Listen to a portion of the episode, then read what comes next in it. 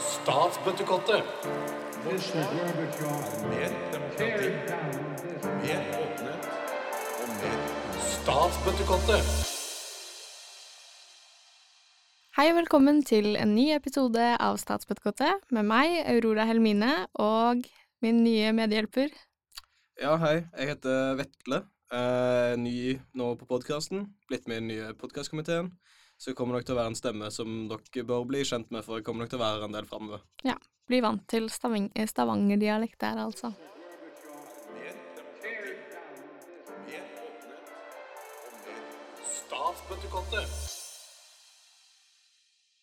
Dagens gjest er Joakim Hammelin. Joakim er filosof og forfatter. Han jobber til daglig på Nansen-skolen i Lillehammer og har tidligere vært styreleder i Det faglitterære fond. Han har skrevet bøkene 'Terrorindustrien' og 'Terror og demokrati', og tidligere holdt foredrag om ekstremisme for bl.a. 22. juli-komiteen. Velkommen til oss, Joakim. Takk for det. Er du for fornøyd det, med introduksjonen? Ja, det lyder bra, det der. Eh, 22. juli-kommisjonen. Det, det, det kan vi snakke litt mer om etterpå, men det, det jeg prata mest for dem om, var liksom de ja, demokratiske begrensninger da, for tiltak. Ja. For å, så det var, det var det jeg ble hentet inn til for å gjøre for dem. Ja. Ja. Ja, Det er jo veldig hyggelig å ha deg her, eh, Joakim. Eh, hvordan var det du endte opp med å studere og undervise i filosofi? Åh.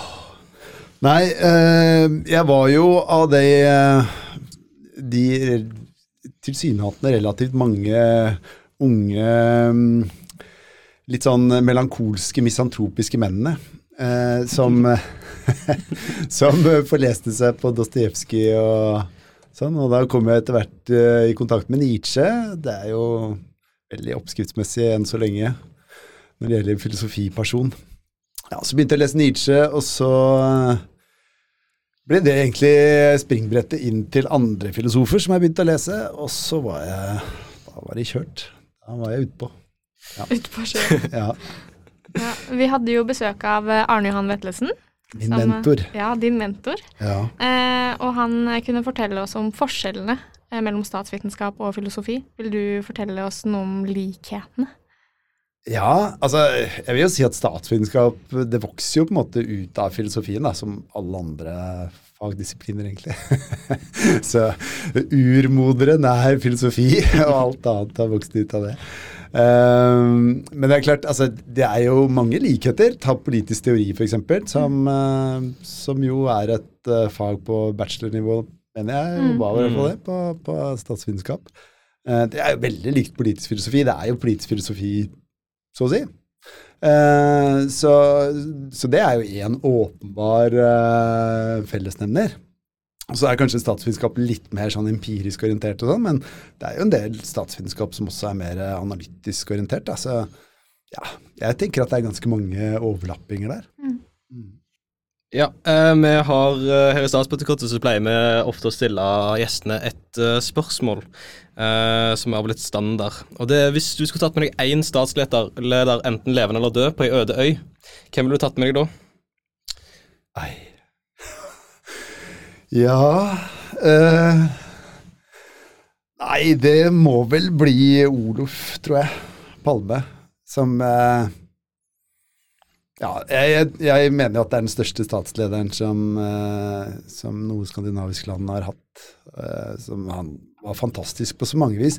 Altså Både fordi han var en, en, en, eh, en statsmann av dimensjoner.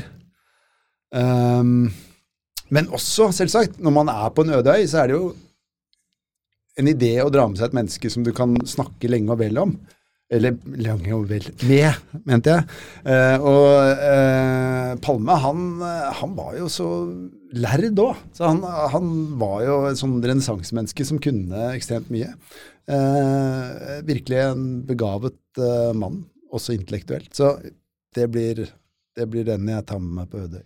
Det var han som ble skutt, sant? Ja. Det var det, det, var det ja. Stemmer det. Kan Kunne du kanskje spurt hvem det var som drepte han òg, for det er jo et evig mysterium. Ja, evig mysterium. Ja, det det. Og, ja, jeg skal faktisk på en tur med noen Vi har en sånn kameratgjeng som drar til ja, sånn politiske gutteturer.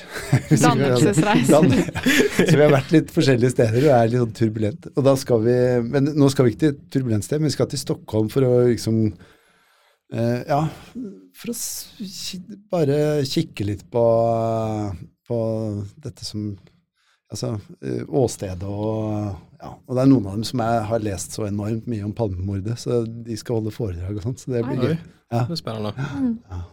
Temaet i dag er jo som sagt ekstremisme. Ja. Eh, begrepene terrorisme og ekstremisme blir litt brukt om eh, hverandre. Kan du forklare forskjellen på terrorisme og ekstremisme? Ja, det er klart det er jo massevis av gråsoner når det gjelder disse begrepene, så de flyter litt eh, over i hverandre. Men jeg tenker jo at det er eh, viktig å, å ha et prinsipielt skille mellom eh, terrorisme som da forstått som en terrorhandling, som er straffe, eh, som er en straffbar handling, ikke sant, eh, i absolutt forstand, ettersom det er brudd på straffeloven og sånn. Um, og og eh, holde muligheten åpen for at eh, det er ikke gitt at mennesker som har outrerte eller ekstreme politiske meninger, ender opp som terrorister. Altså det, er, det, er, eh, det er jo en forskjell der. Og det som er det avgjørende, er jo virkemiddelbruken. da. Hvilke metoder man er villig til å ta, benytte seg av for å forfølge sine politiske mål. Eh, og der er det jo et veldig tydelig skille. ikke sant? Altså Det er ikke lov til å benytte vold eller terror for å forfølge sine politiske eh, målsettinger. Eh, og det, det er det ikke i et demokrati. Så der, der må det jo være noen veldig tydelige grenser ikke sant? Som, som vi opererer med. Eh, og så Samtidig så tenker jeg at det er viktig at det skal være en aksept for eh, en bredde i det politiske spekteret, hvor eh, også disse mer eh, Hva skal vi si de, de perspektivene som befinner seg på utsiden av konsensusfeltet, de, de må også, mener jeg i hvert fall, få lov til å være der, så fremt man aksepterer dette grunnleggende, nemlig at, eh, at man forholder seg til de spillereglene som eksisterer i et liberalt demokrati. Kan du da si at eh, hvis du er veldig på utkant som et politisk parti, så er du ekstreme, men fortsatt ikke liksom ekstremist, eller er ekstremist noen som går så langt at de da stiller seg utenfor samfunnet? Ja, Altså, det er litt forskjellige måter å, å definere ekstremisme på, men det som er eh, en relativt vanlig måte å gjøre det på, som bl.a. Lars Skule opererer med i Norge, da, eh, det er jo å definere det ut fra et slags politisk eh, konsensusfelt, og så har du at det som er forskjellig fra, eller befinner seg på utsiden av dette konsensusfeltet, det er på et visst, en viss forstand ekstremt, da, eller eh, annerledes, eh, i en mer sånn dypere betydning av, betydning av begrepet.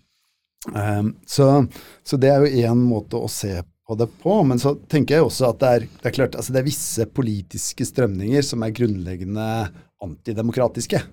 Eh, og, og når det gjelder den type politiske krefter, så er det jo klart at vi må ha noen altså De fleste forfatninger har noen, noen begrensninger knyttet til eh, at den type politiske krefter kan komme i eh, en posisjon hvor de kan avvikle demokratiet. Altså at det er noen, eh, det er noen sånne Hva kan man kalle det? En slags sånn eh, eh, nød, nødknapp, nærmest, i, i, eh, i konstitusjonell sammenheng. Blant annet i Tyskland, ikke sant. Så så er det forbudt å ha partier som er antidemokratiske.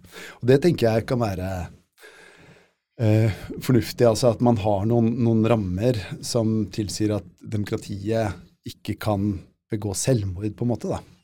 Eh, ved at feil politiske krefter kommer i posisjon.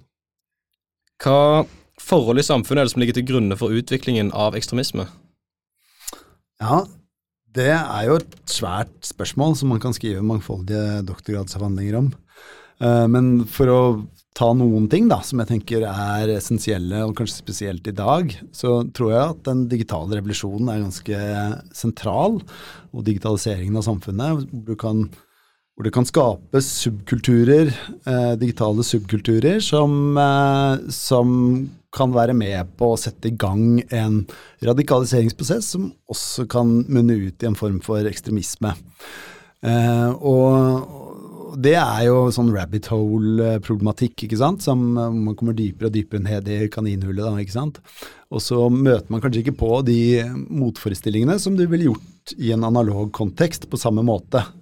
Blant annet fordi at du ferdes på nettet der hvor de andre som mener omtrent det samme som deg, ferdes. ikke sant? Så du, du er på 8chan eller 4chan, og så, så får du ikke noen, noen motforestillinger der i samme grad som du vil få eh, andre steder. da. Og eh, ja, det, det er jo én side av det. Og så tror jeg jo også at, at det kan være andre ting. Eh, hvis man tenker på eh, andre former for ekstremisme, f.eks. Eh, islamistisk ekstremisme, så, så er det jo gjort en del interessant forskning på det som tilsier at de eh, mange av dem har egentlig ikke en sånn streng religiøs bakgrunn og sånn. Altså, de har ofte en litt sånn rufsete fortid med litt, eh, med litt kriminalitet og droppet ut av skolen og arbeidsledighet og sånn. Og så, så møter de kanskje på eh, noen som, som eh, tar dem inn i en varme, og de møter en form for aksept eh, på tross av den fortiden de har, og så, så, så trekkes de inn i et miljø. Um, så så er, jeg tror det er ganske sammensatt også altså Både med tanke på at det finnes ulike former for ekstremismer, eh, og at det spesielt i dag, eh, hvor vi både må snakke om en analog kontekst og en digital kontekst, så, så kan det være veldig mange forskjellige drivere, egentlig. Men det hørtes ut som i hvert fall at eh, kanskje eh, tilhørighet er en stor drivfaktor innenfor ekstreme, at folk blir ekstreme, eller får ekstreme holdninger? Eller Ja, det, et behov for å føle en tilhørighet til enten ei gruppe, eller at de føler at, at de liksom får rettferdiggjort holdningen sin, da? Det tror jeg er helt riktig. Og, og så tror jeg kanskje også at det er en form for uh, gruppedynamikk der. ikke sant? At du, du får en slags stammefellesskap eller tilhørighet. Oss mot den type Oss mot dem, ja. Eh, og og uh, at det er forsterkende um, for den radikaliseringsprosessen som disse er i, eller den, den retningen som de har fått da, i retning av, av ekstremisme, f.eks. Mm. Ja. Vi har jo hatt to uh, tilfeller her i Norge de siste årene hvor uh, det har på en måte starta på internett. da. Tre hvis du tar med ABB. Um, skal politiet få lov til å gripe inn for mye eller for lite? Ja, det er et veldig viktig, men vanskelig spørsmål. Mm. Fordi jeg, jeg tenker at det er jo essensielt at vi har et PST som holder øye med noen eh, farlige individer og grupperinger i samfunnet. Som, altså det, den type forsvarsverk må, må man ha. Um, og så er det jo samtidig sånn at vi ikke må bli eh, Vi må ikke ende opp i et eh, overvåkningssamfunn, ikke sant. Altså det skal jo være slik at vi har en frihetsgrad i samfunnet vårt som borgere som tilsier at det må være noen begrensning for hva staten kan tillate seg å gjøre. Eh, når det gjelder å samle inn informasjon f.eks. Om, om oss og den slags. Så jeg tror det er viktig å eh, prøve å finne frem gullvekta, og så må man tenke ok, hva er, hva er sikkerhetsgevinstene som kan hentes ut av dette tiltaket som man vurderer å sette inn, og hva er de potensielle negative demokratiske omkostningene. Og eh, der tenker jeg kanskje at vi eh, ikke har vært nok bevisst på å sjekke hvordan det ser ut i den andre skåla, den som har med demokratiske eh, rettigheter å gjøre.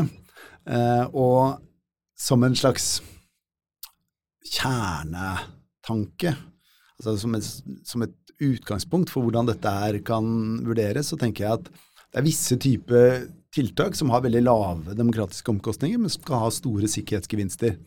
Det å gjøre visse typer våpen utilgjengelig for privatpersoner, enda litt flere enn de som er utilgjengelige i dag, det tenker jeg kan være et fornuftig tiltak. Det rammer ikke spesielt mange, og det kan ha åpenbare sikkerhetsgevinster ved seg. Det å sikre utsatte bygg eh, mot potensiell terrorvirksomhet, også et tiltak som har potensielt sett gode, gode sikkerhetsgevinster eh, knyttet til seg, og ikke så store demokratiske omkostninger. Men hvis vi da går i andre retningen da, eh, og, og tenker på det å sette i gang svære eh,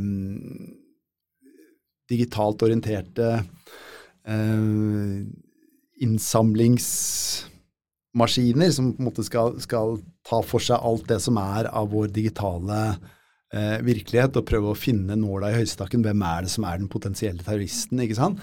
Så, så syns jeg at eh, det bikker over i retning av at det er for store demokratiske omkostninger igjen.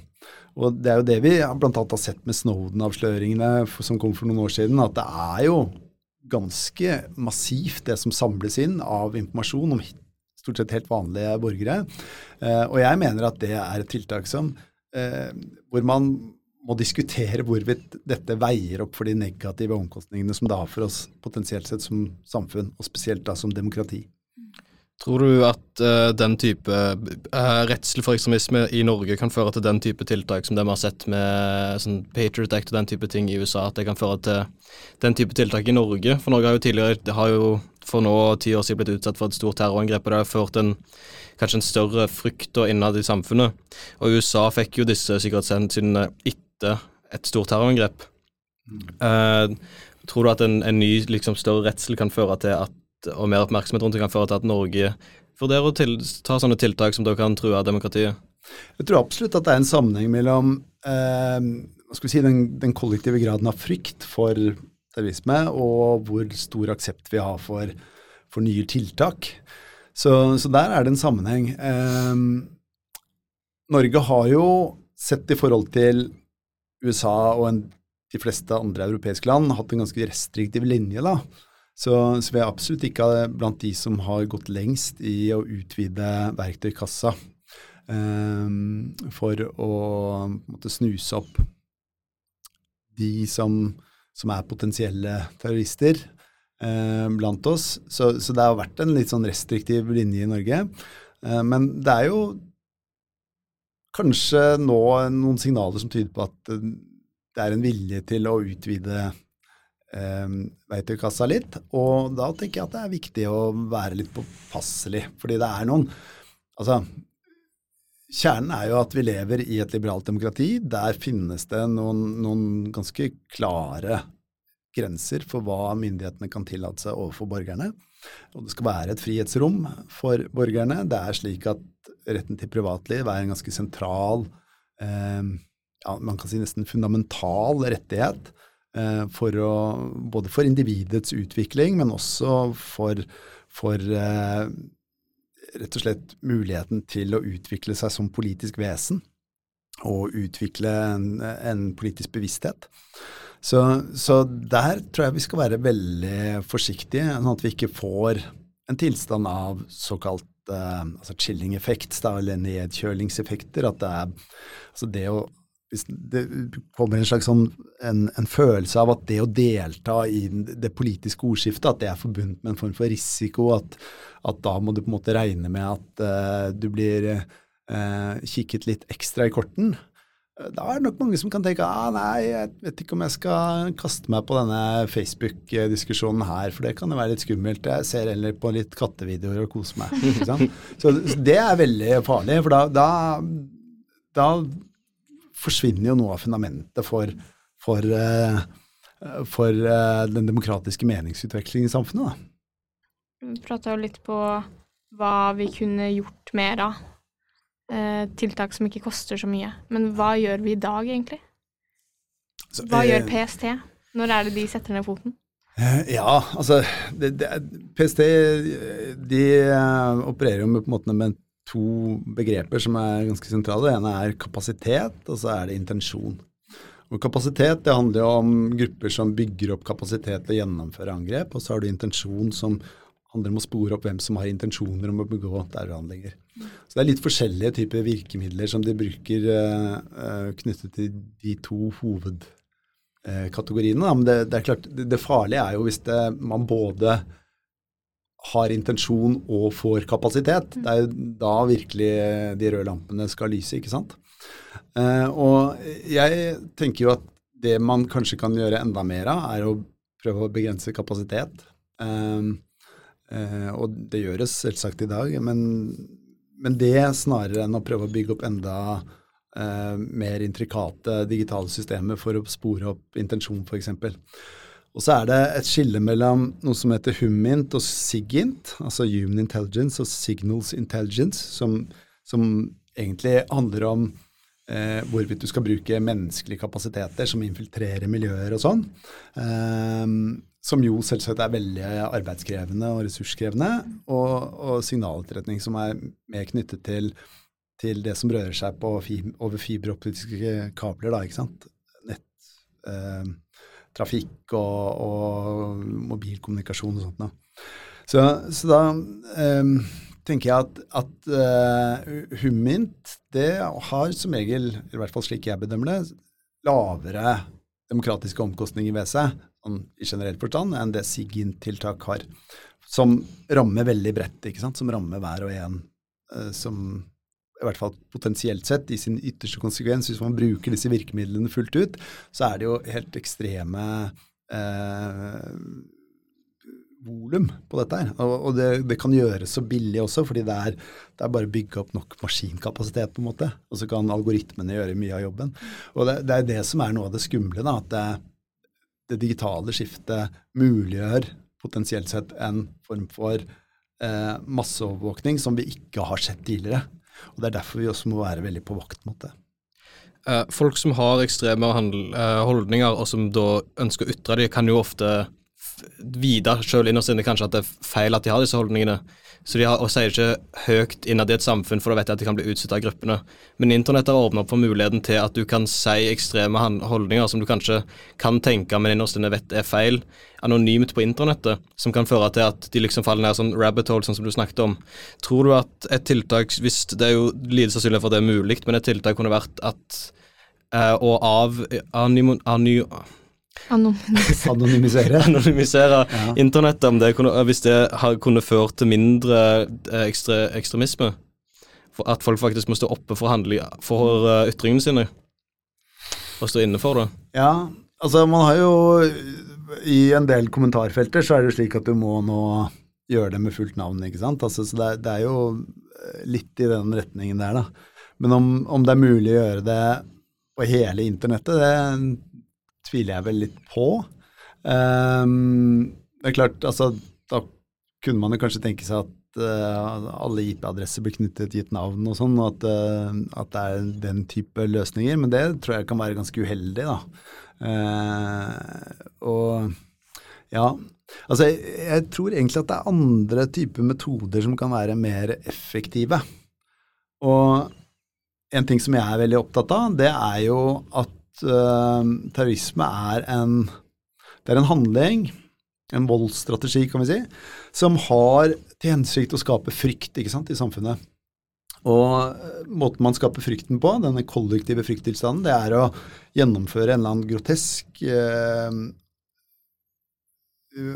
voldshandling mot en tilfeldig gruppe med ofre. Eh, men egentlig så er målet alle de som ser på, alle de som forholder seg Så det er, det er ikke ofrene for voldshandlingen i seg selv som, som, er det egentlige målet, det er alle som ser på. Eh, og alle som, eh, som eh, måtte konfronteres med voldshandlingen. Um, og det er klart, der er jo massemediene f.eks. ekstremt viktige.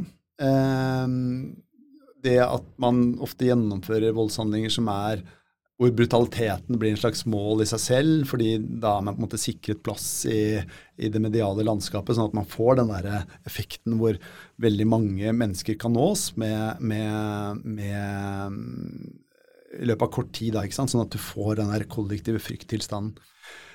Ja, og så, så, blir jo da spørsmålet eh, hva skal den frykttilstanden brukes til? Ja, Det kan være forskjellige ting. Det kan være å få, få, oppmerksomhet om egen person eller egen sak eller egen gruppering. Det kan være hevnaksjon. Det kan være veldig mye forskjellig. ikke sant?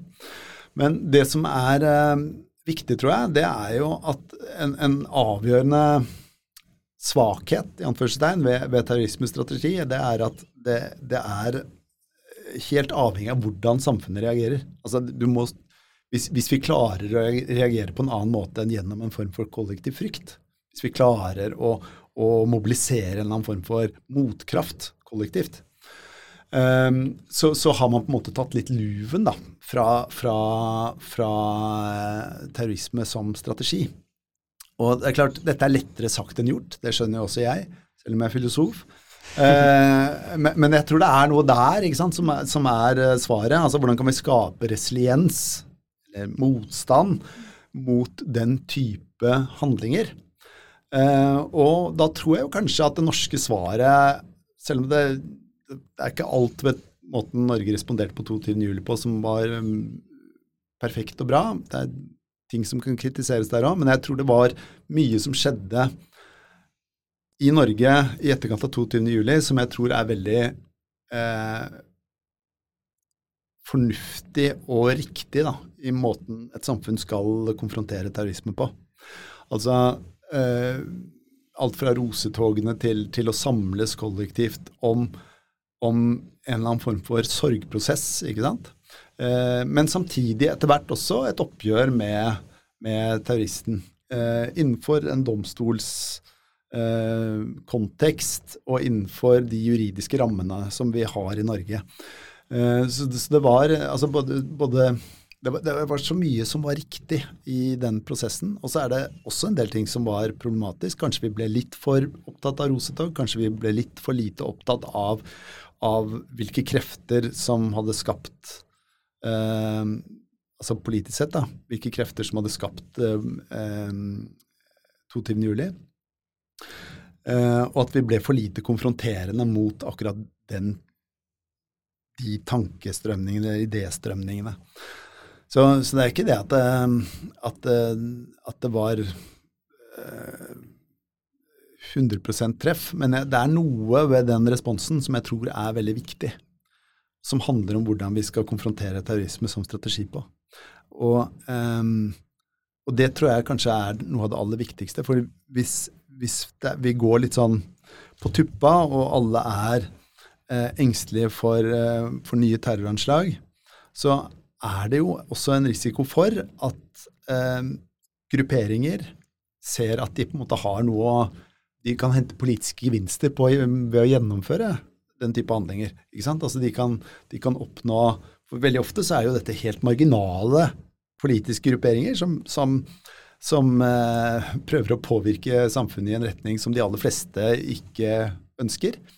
Eh, ja. Så da så blir sånn risikoen for at hvis vi blir for opptatt av terrorisme, så kan pussig nok kanskje risikoen for ny terror øke. Altså, hvis dere skjønner hva jeg mener. Altså, det, det er et eller annet ved terrorisme som fenomen som, som er forskjellig fra f.eks. For røyking. da. Uh, hvis samfunnet ønsker å utrydde røyking, så kan man ha holdningskampanjer, og man kan prøve å, å, å rette fokus på det. Eh, men kanskje er det litt annerledes med terrorisme, at det å ha veldig fokus på det, at det kan paradoksalt nok øke risikoen. Ja, eh, men der var det jo kanskje litt eh, forskjell på hvordan vi i Norge reagerte versus eh, USA. Der var det mer hat mot eh, mot uh, terrorhandlingen. Ja. Og et, i ettertid, da. Du tenkte på 9-11, ikke sant? Ja. ja. Uh, så de Vil du si at de reagerte mer feil? Oppmuntret til mer terrorisme?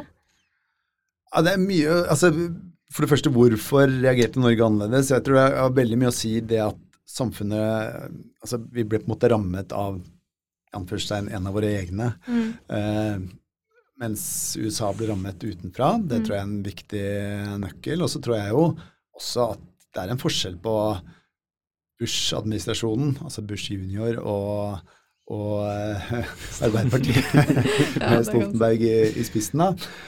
Um, og, um, og, så er det vel kanskje også noe med at uh, Altså, klart 9-11 det, det, er jo et terroranslag som var veldig forskjellig fra det verden hadde sett noensinne. 3000 mennesker som dør, Um, skyskraperne som kollapser, det at alle så disse bildene. Enorm effekt, ikke sant? Så, så, det er jo noe med at den handlingen, den er så Altså den terrorhandlingen, den er så um, Den er så ekstrem. Og det, med det mener jeg ikke at ikke Utøya, selvsagt, det, det er også ekstremt. Men, men, det er noe med, med hvordan det slo inn da, i det amerikanske samfunnet, som jeg tror er litt Altså, det er vanskelig å forstå, også fordi at USA har jo måtte vært beskyttet av to svære hav sant, på hver sin side. Har ikke vært angrepet på eget fastland siden britene eh, bombet Washington i 1814. Så, altså, og da Pearl Harbor selvsagt ikke en del av fastlandet og sånn. Eh, så, så, så det var noe med, som, med at man rammet USA, verdens eneste supermakt. Ja, det fikk noen politiske konsekvenser som var annerledes, rett og slett. Av den grunn. Ja. Og så, så var nok også den trusselen fra islamistisk terrorisme, den, den, var på en måte på stigende kurs. I 98 så, så var det jo ambassadebombingene som, som jo var uh, ganske uh, voldsomme, ikke sant. Flere hundre døde og sånn. Så, så det var et, et, trusselbilde som var på stigende kurs, og så kom 9-11, bang.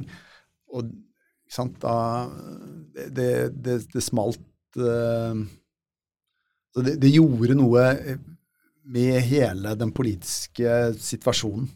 Så egentlig vil jeg si at 9-11 det har vært definerende for det som har skjedd utover på 2000-tallet på så mange måter.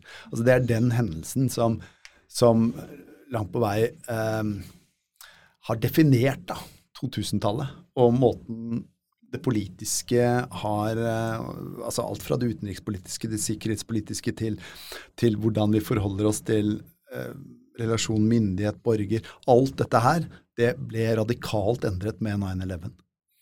Så, så, det er en sånn eh, en hendelse i den politiske historien som, som fikk en enorm påvirkning. Er det mulig å si at i motsetning til sånn angrepet på Utøya, var, som var et tydelig terrorangrep for å skape frykt innad i befolkningen, så var 9-11 mer nesten en krigs, sånn krigshendelse enn et terrorangrep? Ja, og det ble i hvert fall oppfattet som en form for krigserklæring av, av Bush-administrasjonen. Altså det, det, var jo noe av det de første de sa. ikke sant? Altså, vi, vi er i krig. Eh, så, og da i krig mot terrorisme, da. Og med alle de skal vi si, utfordringene som det medfører. For hvordan kan man bekjempe en voldsstrategi? Uh, så, så altså er det bare å måtte, drepe alle terrorister, eller er det litt sånn Medusas hodeproblematikk, da, at du kapper av én slange, og så vokser det ut nye? ikke sant? Altså Det er en slags evighetsproblematikk. Så uh, ja, Nei, det, jeg, tror det, jeg tror nok at um, det kan nok være at det er mer Eller at du har rett i at det ligner mer på en form for sånn krigshandling. Uh, ettersom det er uh, disse flyene sant, som, som, borer seg inn i World Trade Center, og så pulveriseres det hele etter hvert. Og, altså det, det er noe med dramatikken i det, altså ødeleggelsen kan være at du har rett i det. Og det er klart, 22. juli Det er jo mange som liksom har trukket uh, linjer til skolemassakre og sånn, at det ligner mer på det. Og jeg vet ikke. Jeg, jeg, jeg tenker jo det er klart at, at eh, 22. juli var en terrorhandling. Uh, Breivik omtalte jo selv som en form for sånn markedsføringsstrategi for manifestet sitt. Viser et eller annet um, fundamentalt, tror jeg, med, med, hvordan terrorisme fungerer. Da? Altså, det handler om å Brutaliteten blir et mål for å, for å, for å fremme et budskap. Eh, og det er jo det som også gjør at vi på moralsk vis og på andre vis så, har så voldsomme reaksjoner på, på terrorisme. Hvorfor vi naturlig reagerer med, med, med, sinne og et slags hevnbegjær. Og sorg, selvsagt også. Altså, og frykt. Altså, det, det, er voldsomme følelser som vokser frem i oss i møte med dette. Og det er jo eh, Bush han, han beskrev jo altså, Dagen etter 9-11 så ja, det, USA møtte ondskapen i, i går. Eh, noe i den retning. Og, og det er jo ut fra hvilke definisjoner man bruker på begrepet ondskap. ikke sant? En vilje til å påføre ond, smerte, en vilje til å, til å Og en ambisjon om å, å, å påføre smerte. Um, det er jo en form for ondskap, helt åpenbart, som ligger innbakt i terrorismen som, som, eh, som uh, voldsstrategi. Um, og, og det er jo uh, noe vi opprøres av, naturlig, tenker jeg, som mennesker. Er det sånn at vi burde hindre all ekstremisme, eller burde man liksom akseptere at det er i samfunnet? Ja, altså, det, det er jo igjen disse gråsonene, da. Eh, det er klart eh, Vi må ha en eh, veldig tydelig nullaksept for alt som eh, Alt som kan defineres som terrorisme eller, eller eh, ja, det å søke å oppnå politiske mål eh, ved hjelp av, av, av vold i det hele tatt. ikke sant? Altså, det, er jo, det er noe som ikke hører hjemme i et liberalt demokrati. Men så er det jo da Ok, hva, hva så med, med, grupperinger som har det vi, eller de aller fleste av oss, ville definere som ganske ekstreme syn, men som ikke er villig, eller som ikke synes å være villig til å benytte seg av terrorisme eller Sian, annen for eksempel? Ja, eh, og der tenker jeg jo at det er jo noe med at vi i et liberalt demokrati har idealer som ytringsfrihet, da, ikke sant? Um, så hvis det ikke er den type ambisjoner, altså om å benytte seg av illegitime metoder, så synes jeg personlig at vi skal ha en toleranse for uh, også det ekstreme. Og jeg tenker at her, Det kan være gode grunner for at vi skal ha det, også med tanke på å begrense risikoen for terrorisme. Fordi um, det finnes et fenomen innenfor terrorforskningen som kalles den omvendte U-kurven, bl.a. Um, som tilsier altså er det litt vanskelig på radioen, da, men hvis man tenker seg en slags sånn fire, firefeltstabell um, Hvilke samfunn er det som opplever mest terror? Så går det en slags sånn omvendt U. Du har de de autoritære, totalitære eh, samfunnene i den ene enden. Så har du de åpne, liberale demokratiene i den andre, hvis det er på en måte én akse. Og så har du mye terror og lite terror, som er den andre aksen. Så ser du at det, det sånn der, det fordeler seg, liksom Hvis du tar antall terrorhendelser i verden, så fordeler det seg litt som et sånn omvendt U. Så det er de samfunnene som befinner seg midt imellom, som ikke er fullverdige liberale demokratier, og som ikke er totalitære regimer, det er der du får mest terror. Så det å, å begynne å skal vi si, fravike fra dette idealet om en liberal et, en liberal eh, et liberalt demokrati med det det innebærer, ikke sant? Eh, av rettigheter og friheter for borgerne. Det tror jeg kan være en strategi som, som kanskje kan gi noen umiddelbare gevinster, men som kan vise seg å være ganske kostbart etter hvert. Da. At du kan komme i en situasjon hvor det er grupperinger som tyr til vold istedenfor å prøve å uh, ja, jobbe mot sine politiske mål via demokratiske metoder. Så ja. Jeg, jeg, jeg, tror det er mye som tyder på, eller som peker i retning av, at det å ivareta et liberalt demokrati med en, eh, med en eh, liberal rettsstat i bånn, ikke sant, at det er noe av det beste vernet vi kan ha mot den type eh, virksomhet. Og at det Altså, en av prisene som vi må betale da, det er at det finnes en del for å bruke et, et folkelig begrep, forskrudde meninger om hvordan eh, samfunnet skal organiseres politisk. Ja, og så tenker jeg én ting til. da, at Det er en risiko for, hvis vi skal begynne å liksom sortere ut ja, hva er det som vi skal tåle av meninger i demokratiet vårt, uh, hva er det, vi, godtar bare det som de fleste er enige om, liksom.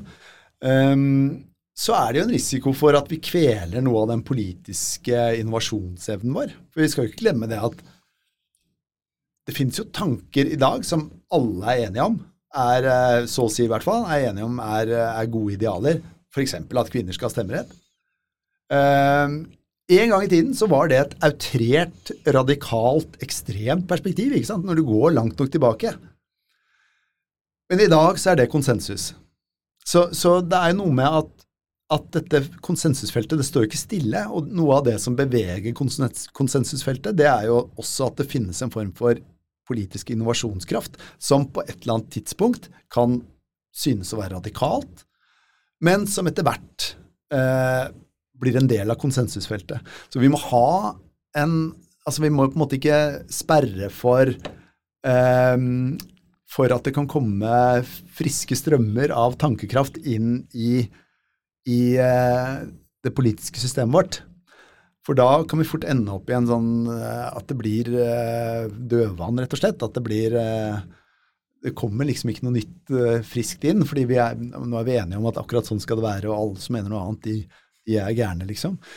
Vi kan ikke ha Jeg tror vi skal Vi må tåle at det er på en måte tusen dårlige ideer mot altså, tu- tusen forrykte ideer mot at vi får den ene gode som er med på å flytte samfunnet i en bedre retning. Så vi må bare stole på vi må bare stole på at vi er fornuftige vesener som klarer å skille skitt og kanel. Da. Det er min eh, min bønn. Din- ja. Ja. Uh, kan du si det at for eksempel, Da kan du vel f.eks. dra paralleller til hvordan Frp ble sett på som ekstreme fordi at de ville ha butikker oppe senere enn fire på 60-tallet eller 70-tallet, men eh, det er nå standard i hele Norge at butikker stenger ikke fire lenger. Ja. Den type drar ting i en forskjellig retning. Ja.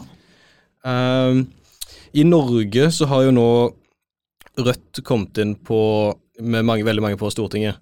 De hadde jo veldig lenge uh, væpna revolusjon i sitt partiprogram. Uh, vil du si at de var på grensen til et udemokratisk parti fram til de fjerna det, eller hvor går grensa der? For de har jo aldri eh, gjort handlinger som går imot demokratiet, men partiprogrammet deres sa tydelig at eh, målet deres var en væpna revolusjon mot staten. Ja. Og nå er, de, nå er de store på Stortinget og, og drar politikken i mer venstreordna retning, da. Ja.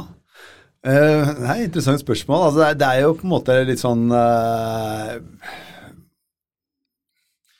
marxistisk romantikk, tror jeg, som ligger i bånn eh, i det utsagnet. At man Og så er det noen etterlevninger fra det som jo en gang i tiden, hvis vi blar oss ganske langt tilbake til tiden hvor Rødt het Rød valgallianse, og, og, enda før det, sant, tilbake til det som var en del av RV, nemlig AKP og sånt. altså det, at det finnes noen sånne historiske årsaker til at det eh, kanskje har blitt værende, selv om, selv om man kanskje kan tolke det mer metaforisk enn bokstavelig. Jeg tror nok at det også kanskje har vært meningen. Ehm, men uh, ja. Nei, jeg, jeg, jeg skjønner jo dilemmaet. Uh, og jeg tenker jo at det ikke er spesielt klokt da, å ha en sånn formulering. Hvis jeg skal være ærlig. Ja. Uh, det, det er litt uh, snålt. Men ja. Jeg, jeg, tror det, jeg tror ikke det menes bokstavelig. Jeg tror det er en eller annen det, det er historiske årsaker, og det er på en måte en, en form for politisk sjargong som har blitt værende der. Um, så jeg, jeg mister jo ikke nattesøvnen av at Rødt har fått representanter på tinget og kommer på sp- sperregrensa. Eh, personlig, i hvert fall. Nei. Det går helt bra her òg. Jeg har lyst til å Vi må runde av snart. Ja. Men jeg har lyst til å gå tilbake til det med ytringsfriheten. Fordi tidligere har jo den blitt brukt for å beskytte eh, minoriteter, mens eh, nå så eh, bruker vi jo det som en unnskyldning for å beskytte ekstremisme, eller ekstreme eller tanker, da. Ja. Sånn som Sian. Eh, Syns du ikke det er litt problematisk? Da, Jo, det er jo definitivt problematisk. Og eh, altså, det, er, det er jo noen ganske ekstreme eh, eksempler også hvis vi beveger oss til Danmark, f.eks., med, med palu, paludan og stram kurs, som, som driver og eh, pakker inn eh, Koranen i, i, i bacon og, og holder på. Altså, det, er- det er en sånn helt vanvittige påfunn som, som på en måte finner sted i ytringsfrihetens navn. Men så, så er jo da dilemmaet, ikke sant. Altså, ja, eh, hva, hva skal vi da svare eh, Skal vi si at dette skal være ulovlig? Hvem skal si at det skal være ulovlig? Er det myndighetene? Er det politiet? Eh, og, og da er vi veldig raskt i noen ganske sånn krevende vurderinger, da. For hvor er det den grensa skal trekkes? Hva skal være innenfor, hva skal være utenfor? Og jeg tenker jo at vi har jo eh, noen lovgivning i Norge som begrenser ytringsfriheten. Vi har en, eh, en, eh, en hjemmel som, som handler om hatefulle ytringer, blant annet, ikke sant? Som, som er med på å sette noen juridiske grenser for hva du kan ytre i det offentlige rom. Og jeg tenker jo at en ting er hva lovteksten skal gjøre, og der er jeg nok tilhenger at den, den, den skal ikke være altfor uh, um, begrensende på ytringsfriheten. Jeg tenker at det er veldig viktig at ytringsfriheten, i hvert fall på et prinsipielt plan, har så frie kår som mulig. Men det aller viktigste når det gjelder uh, hvordan ytringsfriheten reguleres, det er jo det normative. ikke sant? Altså hva er det som er innafor å si? Uh, og der finnes det jo en haug med grenser som vi hele tiden forholder oss til. Så uh, altså vi, vi, oppfører oss på litt forskjellig måte i ulike sosiale kontekster, litt avhengig av hvem vi er i samme rom med og sånn. Så, så vi legger jo naturlig noen sånne bånd på vår egen ytringsfrihet. Um, og, uh, og, jeg tenker at det vi kanskje skal jobbe enda mer med, da, det er å um, ja, bli den oppgaven voksen, rett og slett, som, som, uh, som uh, borgere i et samfunn. vi må vi må trenes i enda større grad enn det vi gjør i dag, i å forholde oss til ytringsfrihet som et virkemiddel, rett og slett. Og, og ha noen uh, moralske sperrer for hva vi får oss til å si. Og det kan kanskje høres litt uh, naivt ut, og litt filosofisk ut. Ja, her kommer filosofen og skal dra frem uh, moralkortet igjen, liksom. Um, men jeg, jeg, tenker det er det vi har å, å, stille opp med. Da. Jeg tror det er også Lovverket er jo på en måte et resultat av en eller annen form for kollektiv moral. Det er jo det som ligger i bånn der. Um, så så, så far-fetched er det egentlig ikke. Å, snakke om dette som en moralsk størrelse snarere enn en juridisk. Og eh, ja, det er ikke det at jeg skal lese enda en oppgave på skoleverket, for måte, det er alltid det man ender opp med. Dette her på skolen din, nok en gang, å oppdra ungene. Ehm, men, men, eh, men, jeg tror det er noe med at vi må vi, Altså, det, å være en borger i et demokrati, det er ehm, Ja, det er noen krav som følger med det. Og eh, demokratiet er på en måte ikke sterkere enn en, enn disse mursteinene da, som, som, er alle oss medlemmene i demokratiet. Eh, så, så, hvis de er pil råtne og ikke fungerer, så vil jo demokratiet også klappe sammen. Så, så vi må jo stole på og, og prøve å, dyrke frem ikke sant? en form for politisk fornuft. Um, og ja, det er uh, et ekstremt hårete mål og et litt rufsete svar, men det er det beste jeg har å gi. Ja. ja. Tror jeg kanskje vi er fornøyde? Ja, det tror jeg òg. Takk for at du kom hit til oss. Veldig hyggelig å være her.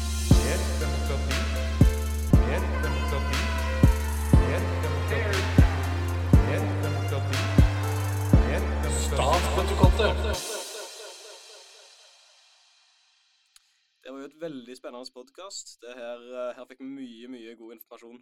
Hva syns du, Aurora? Ja, det, jeg er jo vant til å høre mannen tale, og han kan litt om alt, egentlig.